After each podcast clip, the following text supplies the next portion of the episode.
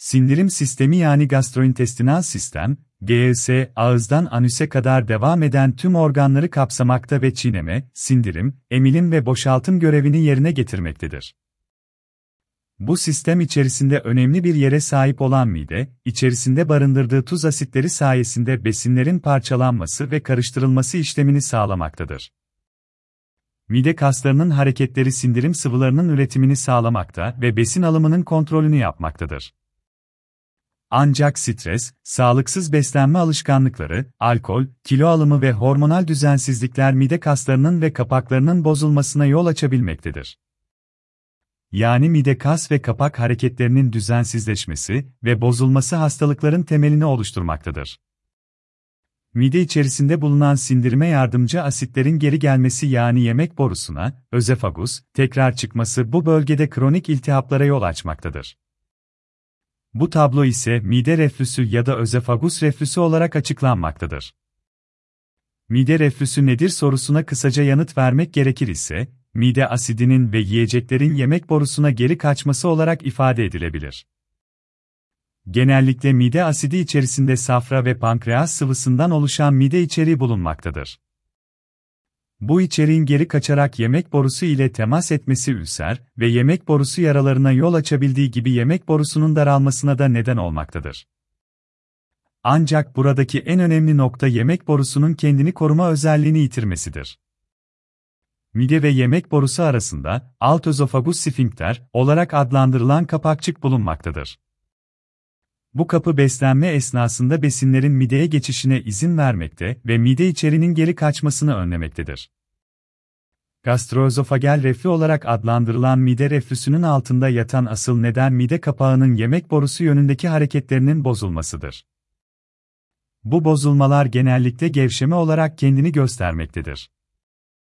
Ayrıca mide içerisindeki basıncın artması sonucunda da reflü görülme sıklığı artmaktadır. Aşırı yemek yenilmesi, yemek sonrasında yatma ve aşırı hareketlilik mide yemek borusu arasındaki kapakçığın bozulmasına ya da gevşemesine neden olmasından dolayı reflü oluşumuna neden olur. Belirtilen tüm bu nedenlerin yanı sıra reflü oluşumunun nedenleri arasında pek çok etken sayılabilmektedir.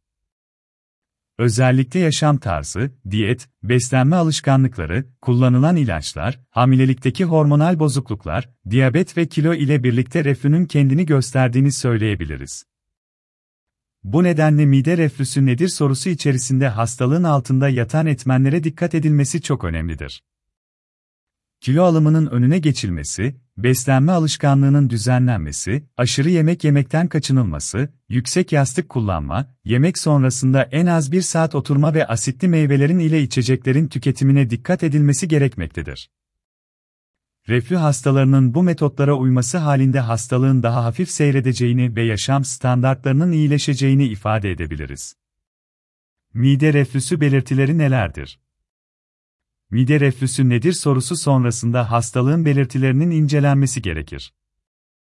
Mide reflüsünün en belirgin şikayeti göğüs ön bölgesinde, midenin üst kısmına gelen alanda yanma hissidir. Bu durum heartburn olarak adlandırılır. Bu yanma bazı tablolarda boyun, omuz, sırt ve kollarda hissedilebilir. Ayrıca ağıza ekşi su gelmesi yani regürjitasyonda hastalığın en yaygın belirtisidir. Güçlü mide ekşimesi olarak kendini gösteren mide reflüsünde regürjitasyona bağlı olarak boğazda ve ağızda kötü bir tat hissi oluşmaktadır. Bu durum yemek sonrasında nadiren görülmekte birlikte, yemek esnasında hissedilmektedir.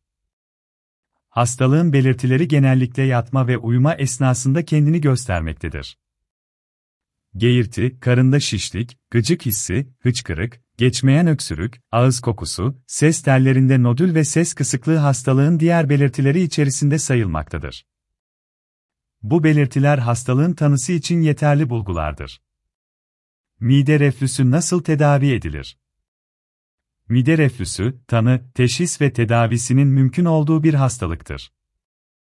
Bununla birlikte tanının konulması ile önlemi alınabilen bir hastalık grubundadır. Günümüz tedavi yöntemlerinde ilaç tedavisi ve cerrahi tedavisi bulunmaktadır. Hastalığın altında yatan etkenler göz önünde bulundurularak asit oluşumunu engelleyen ilaçlar verilmektedir. ilaç tedavisinin yardımcı olmadığı durumlarda ameliyat tercih edilmektedir. Cerrahi tekniklerde ise kapalı ameliyat olarak bilinen laparoskopik operasyonlar ile reflü hastalığının tedavisi yapılmaktadır. Bozulmuş ya da gevşemiş olan mide ve özefagus arasındaki kapakçık, laparoskopik fundoplikasyon ameliyatları, ışığında yeniden oluşturulmakta ve güçlendirilmektedir. Bu ameliyat sonrasında ülsere neden olan kapakçık düzeltilmekte ve mide içeriğinin yemek borusuna kaçışı önlenmektedir. Ortalama 1 ila 1,5 saat süren ameliyatlarda başarı oranı oldukça yüksektir. Reflü tedavisinde ameliyat yönteminin kullanılması günlük ilaç alımının ortadan kaldırılması açısından avantaj sağlamaktadır. Bu nedenle cerrahi yöntemler, cerrahi tedaviye uygun ve uzun süre ilaç kullanımından çekinen veya uzun süreli ilaç kullanımına bağlı olarak gelişebilecek yan etkilerin azaltılması için tercih edilmektedir. Ancak genel olarak cerrahi teknikler genellikle, yemek borusundaki hasarın boyutuna, şikayetlerin şiddetine, tipine, sıklığına ve ilaç tedavisine verilen yanıta göre belirlenmektedir. Mide fıtığı gibi midenin yapısal değişikliklerinde de cerrahi tedavi yöntemine başvurulmaktadır.